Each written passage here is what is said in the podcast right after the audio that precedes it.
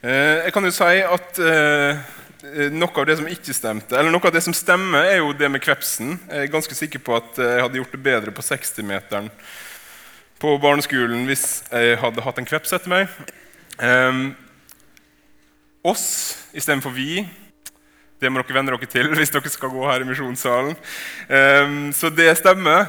Katekismen hadde jeg ikke hørt om før jeg var 19, sikkert. Så, så det, stemmer, det, stemmer ikke. Um, men velkommen til misjonssalen, alle sammen. Og det er ganske mange av dere. Uh, veldig, veldig gøy å se dere. Uh, kan jeg bare starte med å ta den Dere som er nye, aner allerede nå. bare sånn, å nei. Men kan de som er nye i byen i høst, ha opp ei hand?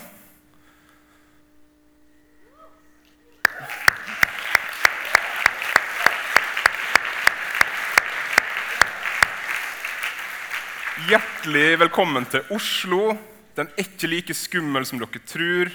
Det er ikke så mange som dør her, som dere har fått for dere. Eh, jeg, jeg, når jeg flytta til Oslo for ni år siden, så var det jeg bygdegutt fra en av de minste kommunene på Sunnmøre. Eh, og jeg tenkte jeg skal aldri til Oslo, fordi der skyter folk hverandre. Eh, men jeg har aldri sett, aldri sett noen skyte noen i Oslo på ni år. Uh, og jeg har ja, det nærmeste jeg kom til liksom som fyrverkeri. og sånn, eller sånn, Sånne ganger der du tenker oi shit, nå skjer det fordi du hørte en lyd, og så ser du ut og så nei, det var vel lyn. Uh, så Oslo er mye tryggere enn dere tror. Den er mye mer oversiktlig enn dere tror. Dere må bare gi det litt tid, så kommer dere til å settle. Uh, og Hjertelig velkommen til oss i Misjonssalen. det er ikke alltid like varmt her som det er nå. I dag skal jeg snakke til dere om kirke, og jeg kommer til å snakke litt spesielt til dere som er nye. Ehm, men jeg, jeg håper at oss alle, meg sjøl inkludert, kan bli litt utfordra på hva det vil si å være kirke, ut fra det jeg skal snakke om. Eh, oss be litt kort. Kjære Jesus, tusen takk for at oss får lov til å samles i ditt navn. Tusen takk for at når vi samles til gudstjeneste, sånn som nå, så er ikke det likt noen annen forsamling eller klubb eller eh, gjeng av folk på jorda. Men det er helt spesielt. Takk for at oss kommer sammen for å søke deg, for å prise deg, for å få lov til å se deg gjennom ditt ord og gjennom den kjærligheten som oss har til hverandre. Jeg ber må du minne oss på det gjennom denne høsten, gjennom hele livet, sjøl når det kan virke så hverdagslig å komme til gudstjeneste, når det er på en måte en vane, og det er bare Ja, jeg går jo alltid dit. Må du minne oss på at når vi samles sånn som dette her, så er ikke det likt noe annet. Det er helt spesielt. Takk for at du har lova at på sånne samlinger så vil du være midt iblant oss. Må du være her med din ånd og gjennom ditt ord i dag, Jesus. Amen. Jeg skal snakke om kirke. Eh, en heim på veien hjem. Eh, og da vil jeg starte med to liksom, grunnsetninger, eller to påstander, egentlig. Og det er disse. Du er skapt for mer enn denne verden. Og du er skapt for å leve for mer enn deg sjøl.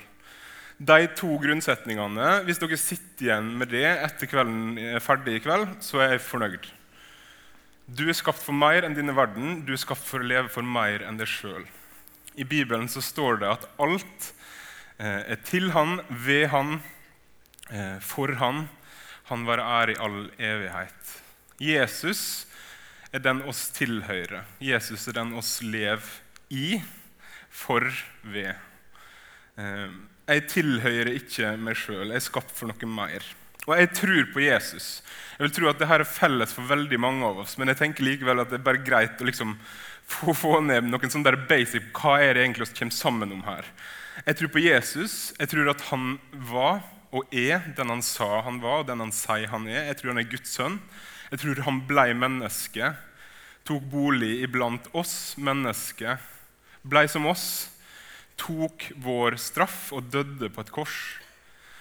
At han sto opp igjen fra de døde etter å ha sont for våre synder på korset, at han sto opp igjen som den første blant mange søsken, som det står i Bibelen. Som førstegrøda av de som skulle stå opp. Altså det er mange flere som skal komme etter ham. Og Derfor så tror jeg at jeg er skapt for mer enn denne verden. Derfor så tror jeg at dette er ikke endestasjonen for unge herr Lillebø eller unge herr eller fru, hva du heter. Eh, jeg tror vi er skapt for noe mer. Vi er ikke hjemme her, vi er en annen heim som Jesus sier at han vil gjøre i stand for oss. Jeg hører ikke hjemme her. Jeg tilhører ikke ditt rike eller denne verden. Og så tilhører jeg Han først og fremst. Og du som tror på Han, det er din første på en måte lojalitet. Det er til Jesus. Det er Han du tilhører, det er Han du tror på, det er Han som har frelst deg, og det er Han som skal ta deg hjem. Men så sier Bibelen oss noe mer. Den sier at oss, når vi tror på Jesus, så blir vi del av Guds familie, oss blir Guds barn. Får en helt ny familie, en masse brødre og søstre. Eh, og jeg ser på dem nå, noen av dem. Mine brødre, mine søstre, min familie. Og dere tilhører meg, og jeg tilhører dere. Dere eier meg like mye som jeg eier meg sjøl, minst. Og jeg eier dere like mye som dere eier dere sjøl, minst. Fordi det er sånn Bibelen snakker om kirke. At oss tilhører ikke oss sjøl, men oss tilhører noe mer og noe større. Vi skal lese to tekster fra Bibelen. Eh, først dette. Men vi har vårt hjemland i himmelen. Derfra venter vi også Herren Jesus Kristus som frelser. Her sier Paulus at oss er ikke hjemme her, men oss er vårt heimland i himmelen. Og Kanskje er det noen av dere som har hørt liksom en bestemor eller en bestefar typisk, eller en gammel tante som sier at 'Å, jeg lengter hjem'. Eh, dessverre vil jeg si, er det stort sett de gamle som gir uttrykk for denne lengselen. Jeg hadde en bestemor som gjorde det til det kjedsommelige. Riktignok. Hun maste i åtte år Eh, om at nå måtte Jesus hente henne hjem, eh, og så gjorde han det nå i vinter.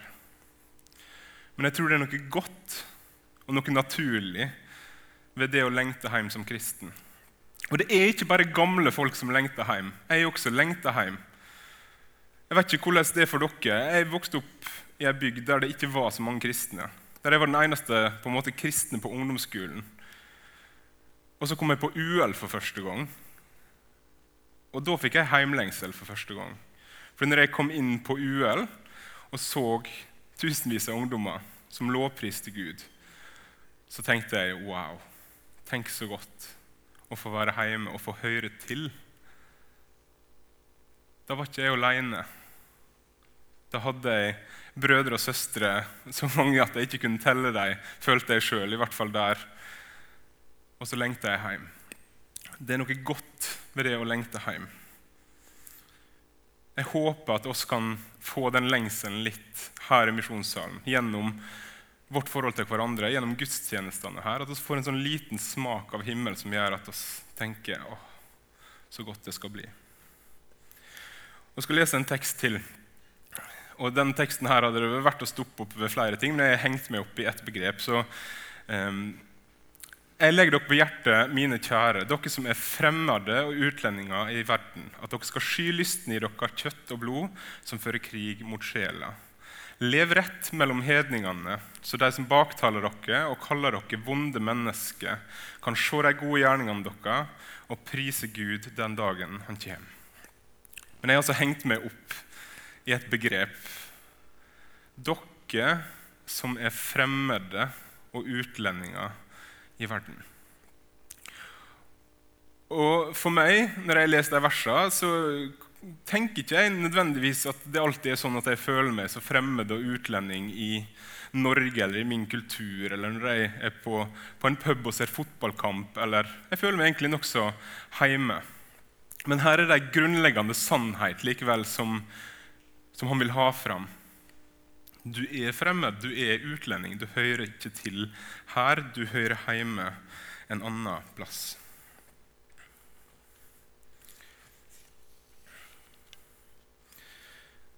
Jeg hører ikke hjemme her, men så har jeg likevel familien min her. jeg har likevel mine søsken her. Og Da skjønner dere kanskje hvorfor overskriften min ble 'Kirka en heim på veien hjem'. Fordi det er litt sånn Hvor er hjemme, egentlig? Mine foreldre driver nå for tida og tenker på skal vi bli den bygda der jeg har vokst opp, eller skal de flytte til Molde, eller skal de flytte til en annen plass der de kan være pensjonister, liksom? Eh, og ha en litt enklere hage å hanskes med og sånn. Hvis de flytter, så er det jo fortsatt hjem jeg skal når jeg reiser til dem. Eh, selv om det ikke på en måte er der jeg er vokst opp, der jeg kjenner folk, så er det likevel der som er hjemme. Hvorfor det? Jo, fordi familien min er der. Og Sånn skal det også være litt med oss kristne.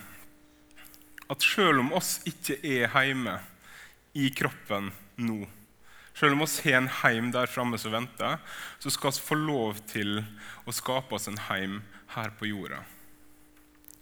Og Bibelen tar det faktisk for gitt at oss gjør det. At oss finner sammen med vår familie, de andre som tror på Jesus. Og at oss holder lag med dem. At oss er sammen med dem, at oss lager oss en heim. Og Kirka den er ikke et bygg, men det er folk. Misjonssalen på dagtid blir brukt til jussundervisning. Eh, jeg ser opp på Håkon, min kollega her, og jeg tror han kan bekrefte det. Det høres ut som det, de prøver å kjede studentene til døde. Liksom. Jeg, jeg, kunne ikke gått juss.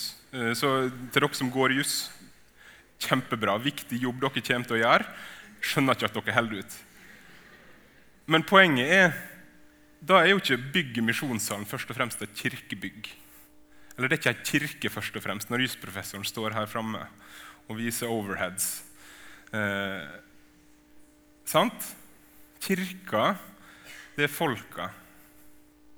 Hvis misjonssalen hadde forsvunnet, eller også hadde mista bygget Kanskje ungdomslederen hadde satt litt masse penger på oddsen eh, fra, fra liksom misjonssalen sine midler. og Så ble det en gjelds, uh, gjeldssak der, og så mista ungdomslederen jobben nødvendigvis, uh, selvfølgelig, men, uh, men så mista en bygget. Så betyr ikke det nødvendigvis at menigheten og misjonssalen hadde opphørt å eksistere. Fordi fellesskapet av de kristne kirka, bygget, er bare fint å ha på en måte. Kirka det er fellesskapet av de som Jesus har kjøpt fri. Det er det fellesskapet av de som Jesus har møtt, og de som han har kjøpt. Men hva skal ei kirke eller et kristen fellesskap være, og hva skal det gjøre?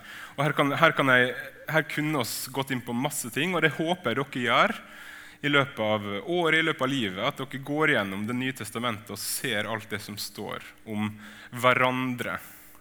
Alt det som står om fellesskap, alt det som pastorene får beskjed om å gjøre i forhold til menigheter som de skal på en måte være hyrde for.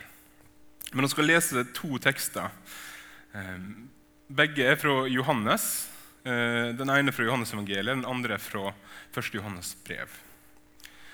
Et nytt bud gir jeg dere. Dere skal elske hverandre. Som jeg har elska dere, skal dere elske hverandre. På det skal alle skjønne at dere er mine disipler, at dere har kjærlighet til hverandre.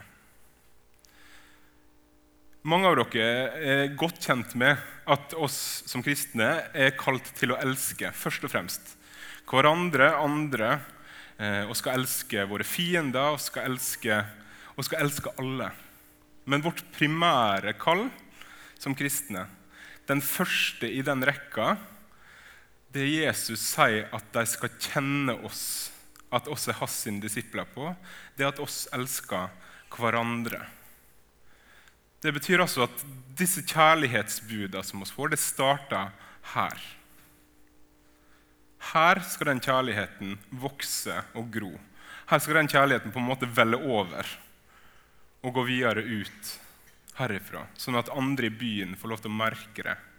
Sånn at andre i byen får se Guds kjærlighet, se at han elsker dem så høyt at han sendte sin sønn. Og det andre teksten. Mine kjære, la oss elske hverandre, for kjærligheten er fra Gud. Og hver den som elsker, er født av Gud og kjenner Gud. Den som ikke elsker, har aldri kjent Gud. For Gud er kjærlighet. I dette ble Guds kjærlighet åpenbart mellom oss, at han sendte sin enbårne sønn til verden, så skulle ha liv ved han. Ja, dette er kjærligheten, ikke at oss har elska Gud, men at han har elska oss og sendt sin egen sønn til soning for syndene våre. Mine kjære, har Gud elska oss så, så skylder også oss å elske hverandre.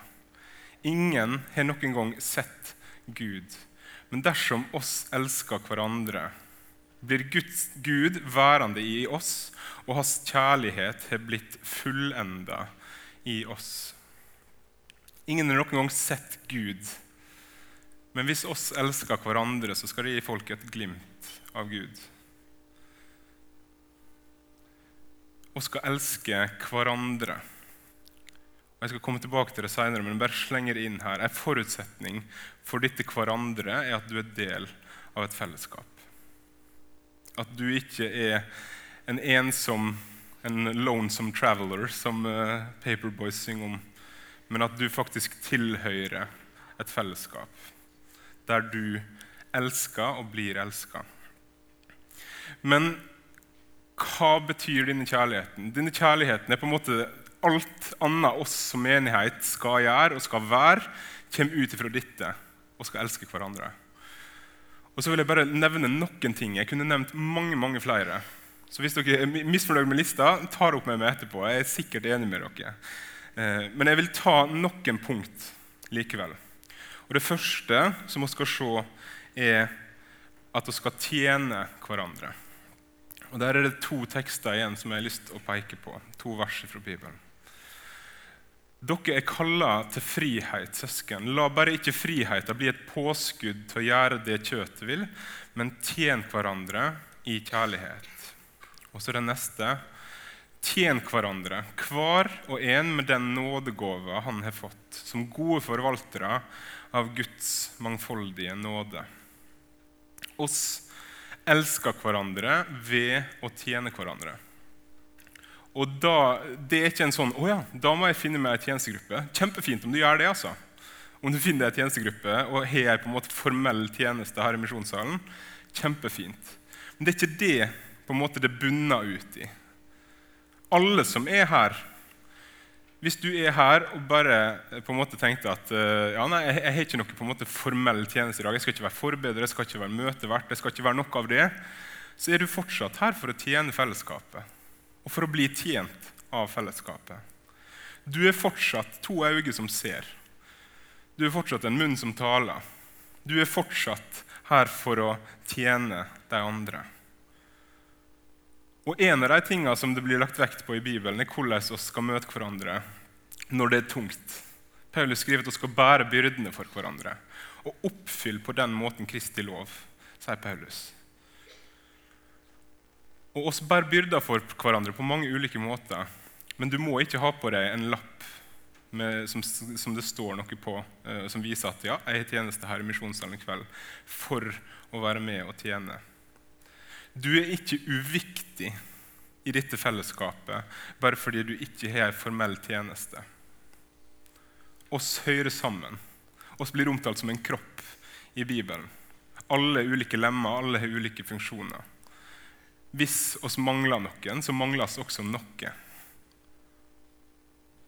Du tjener Du kan tjene uansett om du har ei formell tjeneste eller ikke. Du er viktig for fellesskapet bare i kraft av å være her. Å være den du er. Så er vi også kalt til å tilgi hverandre og ta imot hverandre. Der også er det to tekster jeg har lyst til å løfte fram. Vær gode mot hverandre og vis medfølelse, så dere tilgir hverandre slik Gud har tilgitt dere i Kristus. Og så neste. Ta derfor imot hverandre slik Kristus tok imot dere til Guds ære. Et kristen fellesskap blir altfor ofte som de fleste andre fellesskap som oss har. Arbeidsfellesskap, eh, klasse, eh, der, vi prøver å gjemme oss litt når vi har gjort noe dumt eller når vi har sagt noe dumt. Eh, der vi ikke alltid søker å gjøre det opp igjen med en gang hvis noen har vært teit mot oss, fordi det er litt godt å bare sitte og kjenne på at han var teit, og det, jeg vil ikke ha noe mer med han å gjøre. liksom. Ehm, men også er kalt til å ligne på Jesus. Han som ba far tilgi dem, for de vet ikke hva de gjør, når han hang på korset, og de spotta han og slo han. Oss skal være et fellesskap der tilgivelse bare er noe som skjer fordi vi elsker hverandre sånn. Der vi tar imot hverandre selv på de mest elendige dagene. Selv på de dagene der vi er irritable og litt kvasse, eller der vi er så langt nede at vi tenker jeg orker ikke i dag, så skal vi forvente at i dette fellesskapet så skal jeg bli tatt imot.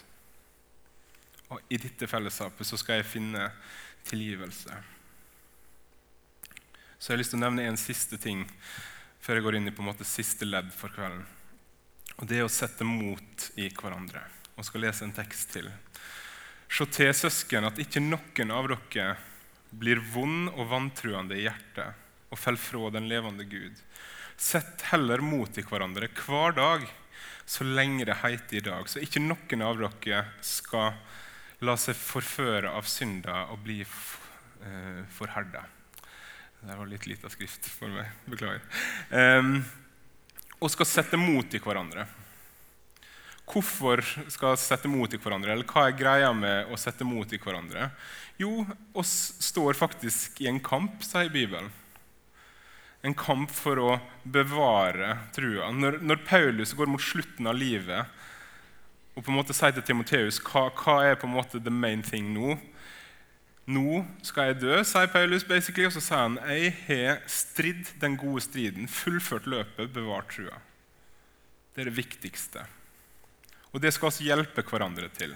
Og skal sette mot til hverandre hver dag så lenge det heter i dag. Jeg elsker den formuleringa, fordi i dag er alt oss kontrollerer ever. Når denne dagen er forbi, så får ikke oss gjort noe med den dagen. Vi får ikke gjort noe med dagen i morgen, vi kan planlegge den, men plutselig så skjer det et eller annet drit og så går det ikke sånn som vi hadde tenkt. Men nå er det å se. I dag er det å se. Bruk i dag til å oppmuntre hverandre. Bruk i dag til å irettesette hverandre. Bruk i dag til å minne hverandre på at du hører faktisk ikke hjemme her. Når, når fristelsene kommer, når verden virker sjukt nice, så trenger vi å bli minnet på av noen av våre brødre og søstre at det er ikke her oss hører hjemme. Vi har et større mål for øyet. Vi har en annen heim, vi har en annen familie, vi har en annen far. Vi har en frelser. Og Denne heimen på veien hjem blir beskrevet som en kropp, der alle er en del av helheten. Og en, Hvis dere vil høre mer om akkurat det der kroppsbildet, så er det en utrolig bra tale som ligger på vår SoundCloud, som Sam Albury hadde i vår, som heter 'Who Are We?' Så bare noter dere det hvis dere vil høre mer om liksom, oss, kirka, som en kropp. Men nå har jeg lyst til å snakke til dere som er nye, eh, kanskje særlig dere, og det beklager jeg, men jeg tror her er noen takeaways for oss andre også. Eh, for de tinga som, som, jeg har snakka om nå, det er ikke bare til dere som er nye i Oslo. velkommen, dette skal dere gjøre. Nei, dette er Bibelens budskap til oss alle. Sånn skal fellesskapet se ut. Og som oss som har vært her i mange år, da tenker ok, hvor er det oss ikke ser sånn ut? Og hvorfor? Og hva kan oss gjøre med det? I våre husfellesskap, med våre venner her i misjonssalen. Når oss treffer folk tilfeldig ute i hallen etterpå hvordan kan oss ligne mer på det idealet som Bibelen har lagt fram for oss?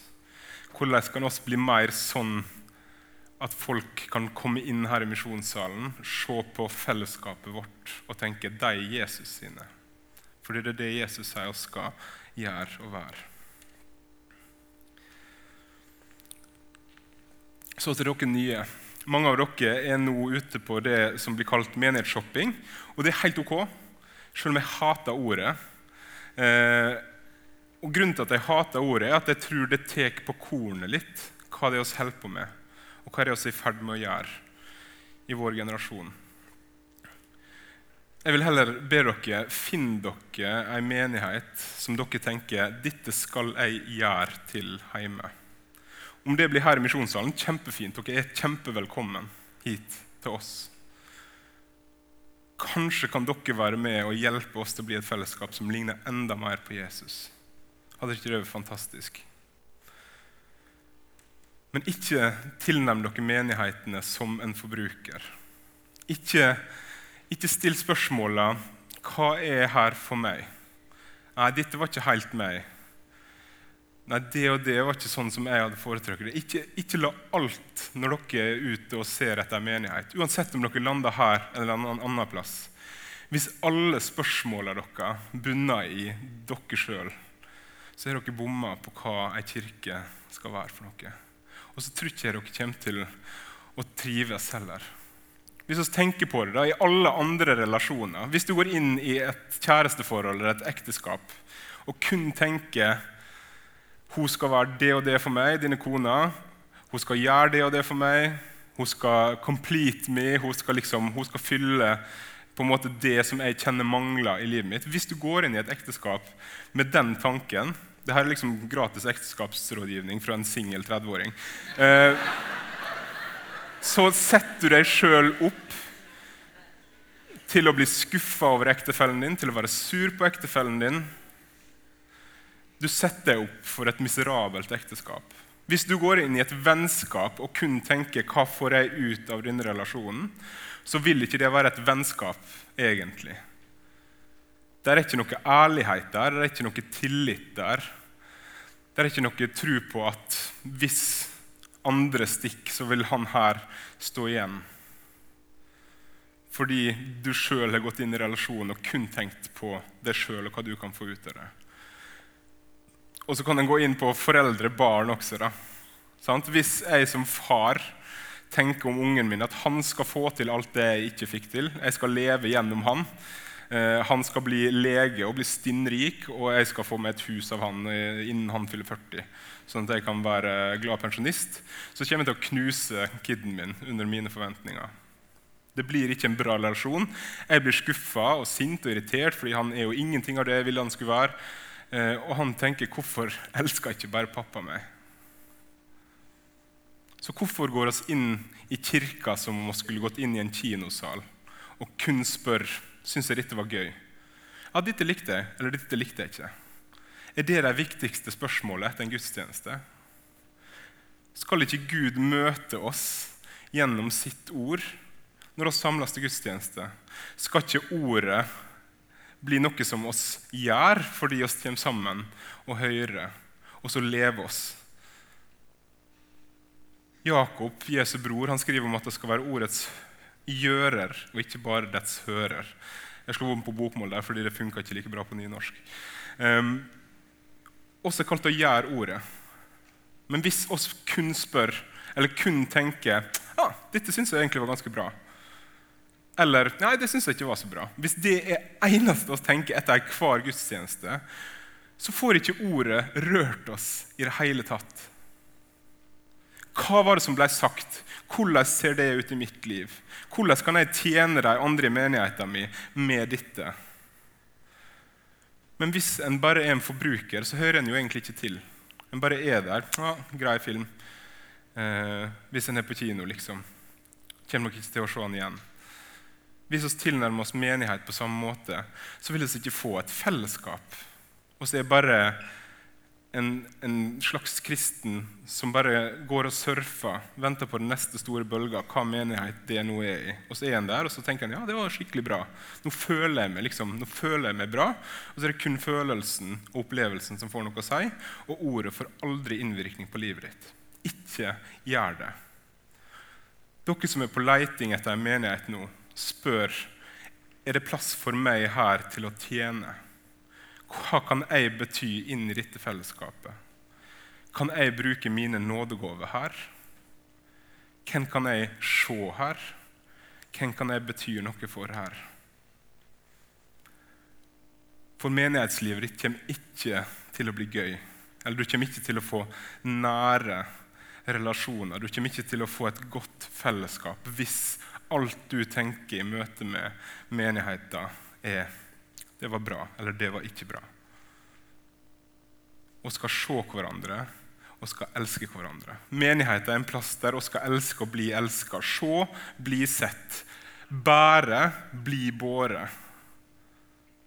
Alle disse tingene som jeg snakker om, skal skje her. Og det er helt avhengig av at vi ser lenger enn oss sjøl. Og den perfekte menigheten, du som leter, den fins ikke her på jorda. Den fins ikke. Og så vil jeg også si til dere ikke leit for lenge. Hvis dere fortsatt leter når vi skriver 2020, så er ikke det sunt. Fordi da leter dere ikke på riktig måte. Fordi heimen, vekk fra heimen, som kirka her på jorda er, den er full av syndere som trenger nåde. Det er mennesker i alle kirker i Oslo. I'm sorry to tell you. Du kommer til å oppleve våre feil, våre mangler, uansett hva menighet du går til. Den perfekte kirka fins ikke. Og du må faktisk gjøre det til hjemme. Det er ikke automatikk i det at du bare setter deg ned og bare nå er jeg hjemme. Nei, du må kanskje gå noen runder. Du må kanskje rydde litt i hagen før du tenker ja, her kan jeg bo. Så finn dere en heim. Er det her hos oss? Kjempeflott. Det blir jeg veldig glad for. Men så lenge dere finner dere en heim, så er jeg veldig glad. Finn dere ei menighet. For Bibelen og de nytestamentlige forfatterne forutsetter at du skal tilhøre ei gruppe av søsken. Den forutsetter at du har ei kirke. Det er ingen vers som inviterer til solokristendom i Det nye testamentet. Og Noe av grunnen til det er her er et vers som Jesus sier til sine disipler når han sender dem ut. Se, jeg sender dere ut som sauer mellom ulver. Det er ikke lett å være en kristen. Hvis dere har kjent på at jo, det er egentlig ganske lett å være kristen, jeg er uenig med deg. Heldige du. Takk Gud for det. Det kommer ikke alltid til å være sånn. Men heldigvis er det også håpet vårt, og det som vi må minne hverandre på når vi føler at verden er i ferd med å ete oss opp, eller oss bekymra for at verden er i ferd med å ete opp en av våre søsken. At det skal ikke alltid være sånn. Ja, oss blir sendt ut som sauer blant ulver. Men det skal ikke alltid være vanskelig heller. Å se et håp i det mørkeste mørket som bærer oss fram. For den perfekte menigheten den fins, bare ikke her. Og Jeg skal avslutte med dette. La oss lese fra Johannes' åpenbaring, kapittel 7. Johannes han får se inn i himmelen, og så ser han en stor, hvit skare framfor Guds trone som lovpriser Gud for den han er, for det han har gjort. Og Så spør en av de eldste, som de blir kalt i hans åpenbaring, han spør Johannes hvem er disse Og Johannes svarer jeg vet ikke, men du vet. Og Så svarer han dette er de som kommer ut av den store trengselen og har vaska kappene sine og gjort dem hvite i blodet fra lammet. Derfor står de for Guds trone og tjener Han dag og natt i hans tempel. Og Han som sitter på trona, skal reise si bolig over dem. De skal ikke lenger svolte eller tørste og sola skal ikke falle på dem eller brennende hete. For lammet som står midt på trona, skal være gjeteren deres og føre dem til kilder med livsens vann. Og Gud skal tørke hver tåre fra øynene deres. Dette er det målet som oss må minne hverandre på. Dette er det målet som oss ser fram imot. La oss derfor elske hverandre gjennom å tjene hverandre tilgi og ta imot hverandre og sette mot i hverandre. Hjelpe hverandre til å se fram mot dette målet. Sånn at andre kan skjønne at oss er Jesus sine disipler, fordi de ser at den kjærligheten som oss er til hverandre, den får oss ikke av oss sjøl. Og sånn at oss alle kan samles der som del av den store, hvite skaren. Og så avslutter vi med de to punktene igjen. Du er skapt for mer enn denne verden. Og du er skapt for å leve for mer enn deg sjøl. Velkommen til kirke. Håper du finner ei der du kan lage en heim i Oslo. Og så håper jeg at oss som har gått her i misjonssalen fra før, kan ta imot disse nye på en sånn måte at både oss og de føler oss enda mer hjemme enn det vi gjorde før. La oss be. Kjære Jesus, takk for ditt ord til oss. Takk for alt det du har gjort for oss. Og så takker jeg deg for at oss skal få lov til å være sånn med hverandre som du har vært mot oss. Må du hjelpe oss som kirke til å bli mer lik deg. Må du hjelpe oss til å skine mer av din kjærlighet. Må du hjelpe oss til å minne hverandre på det målet som ligger foran. Så vil jeg be deg for alle de som er nye her, må de finne en heim, Jesus. Må du hjelpe dem i leitinga. Må de finne en plass der de kan få lov til å blomstre og vokse i trua på deg. I ditt navn. Amen.